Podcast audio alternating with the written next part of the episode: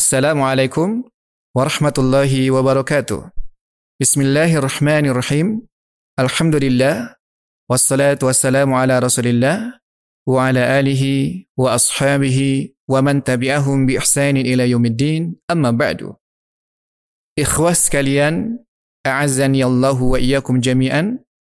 Pada bagian yang ke-44 dari sejarah kehidupan dan perjuangan Rasulullah sallallahu alaihi wasallam ini, insyaallah saya akan mengisahkan tentang perang melawan Bani Quraidah. Perang ini terjadi pada bulan Dzulqa'dah pada tahun kelima Hijriah. Sehari setelah kepulangan Rasulullah sallallahu alaihi wasallam di Madinah, tepat pada waktu zuhur, datanglah malaikat Jibril menemui Rasulullah sallallahu alaihi wasallam yang saat itu sedang akan mandi di rumah Ummu Salamah. Jibril pun berkata, "Apakah kamu sudah meletakkan senjata?" Sesungguhnya malaikat belum meletakkan senjata mereka, dan saya tidak akan kembali sebelum menyerang suatu kaum. Bangunlah engkau sekarang bersama para sahabatmu menuju Bani Quraidah saya akan berjalan di depanmu untuk menggoncangkan benteng-benteng mereka dan menebarkan ketakutan di dada mereka. Maka berangkatlah Jibril bersama pasukannya dari kalangan malaikat.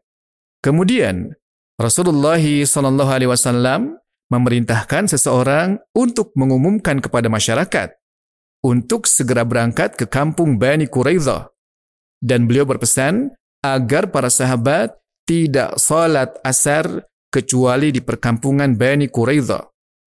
Beliau pun memerintahkan Abdullah bin Ummi Maktum untuk menjaga Madinah, lalu beliau menyerahkan bendera perang kepada Ali bin Abi Talib. Rasulullah sallallahu alaihi wasallam segera berangkat bersama beberapa orang pasukannya. Para sahabat yang masih berada di Madinah bergegas pergi menyusul Rasulullah sallallahu alaihi wasallam menuju Bani Quraidah agar mereka dapat sholat asar di sana. Namun di tengah perjalanan, sebelum para sahabat tiba di Bani Quraidah, waktu asar telah tiba. Mengingat pesan Rasulullah SAW di atas, maka sebagian di antara para sahabat menunda sholat asar mereka hingga tiba di Bani Quraidah di akhir waktu Isya. Sementara sebagian lainnya melakukan sholat asar saat itu juga, karena mereka berpendapat bahwa yang dimaksud oleh Rasulullah SAW adalah untuk segera berangkat, bukan untuk mengakhirkan sholat. Walaupun telah terjadi perbedaan pandangan di kalangan para sahabat saat itu, namun hal demikian tidak membuat mereka saling bertikai. Begitulah sekelompok demi sekelompok tentara kaum muslimin berangkat menuju Bani Quraidah. Mereka berjumlah 3.000 orang. Setibanya di sana, mereka segera melakukan pengepungan terhadap suku tersebut. Pengepungan terus berlangsung selama 25 hari. Sebenarnya, Bani Quraidah dapat bertahan dalam pengepungan tersebut dalam waktu yang lebih lama. Mengingat kuatnya benteng mereka dan tersedianya bahan makanan dan minuman di dalamnya. Sementara di sisi lain, udara dingin tanpa perlindungan menghadang kaum muslimin, disertai rasa lapar yang sangat. Namun peperangan ini lebih bersifat perang urat saraf, dan karena mereka telah dihantui rasa takut oleh kekuatan kaum muslimin, akhirnya kaum Yahudi Bani Quraidah tunduk dan mereka menyerahkan keputusannya kepada Rasulullah sallallahu alaihi wasallam.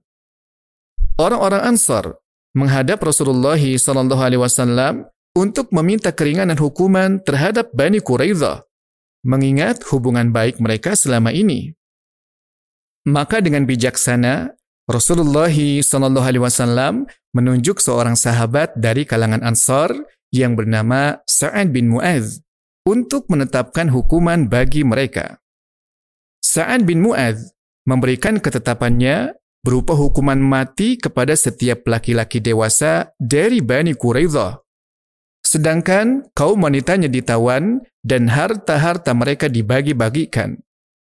Mendengar keputusan tersebut, Rasulullah Sallallahu Alaihi Wasallam berkomentar, engkau telah menetapkan hukum Allah dari atas tujuh lapis langit.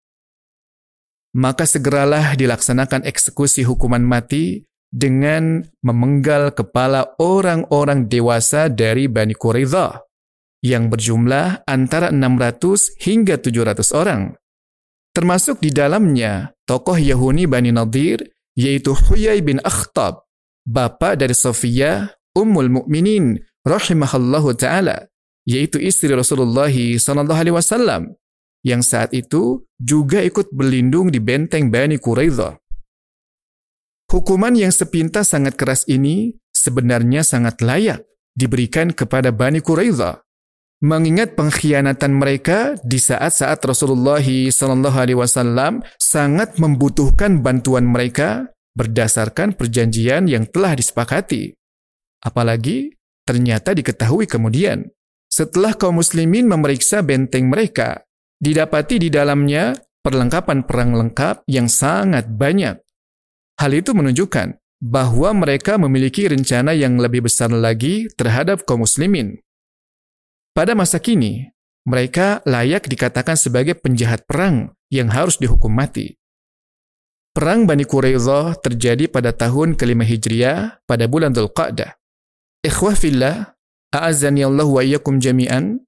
Setelah perang Ahzab, Rasulullah sallallahu alaihi wasallam menikahi Zainab binti Jahshi. Pada awalnya, dia adalah istri Zaid bin Harithah, anak angkat Rasulullah sallallahu alaihi wasallam sendiri. Karena adanya ketidakcocokan, maka terjadilah perceraian antara Zainab binti Jahshi dengan Zaid bin Harithah. Lalu atas perintah Allah, Rasulullah sallallahu alaihi wasallam menikahi Zainab binti Jahshi sekaligus untuk menghapus adat masyarakat Arab yang saat itu mereka melarang menikahi mantan istri dari anak angkat. Karena anak angkat bagi mereka dianggap seperti anak kandung sendiri. Ini adalah sebuah pandangan yang ingin diluruskan oleh ajaran Islam. Ikhwas kalian, demikianlah yang bisa saya sampaikan. Wassalamualaikum warahmatullahi wabarakatuh.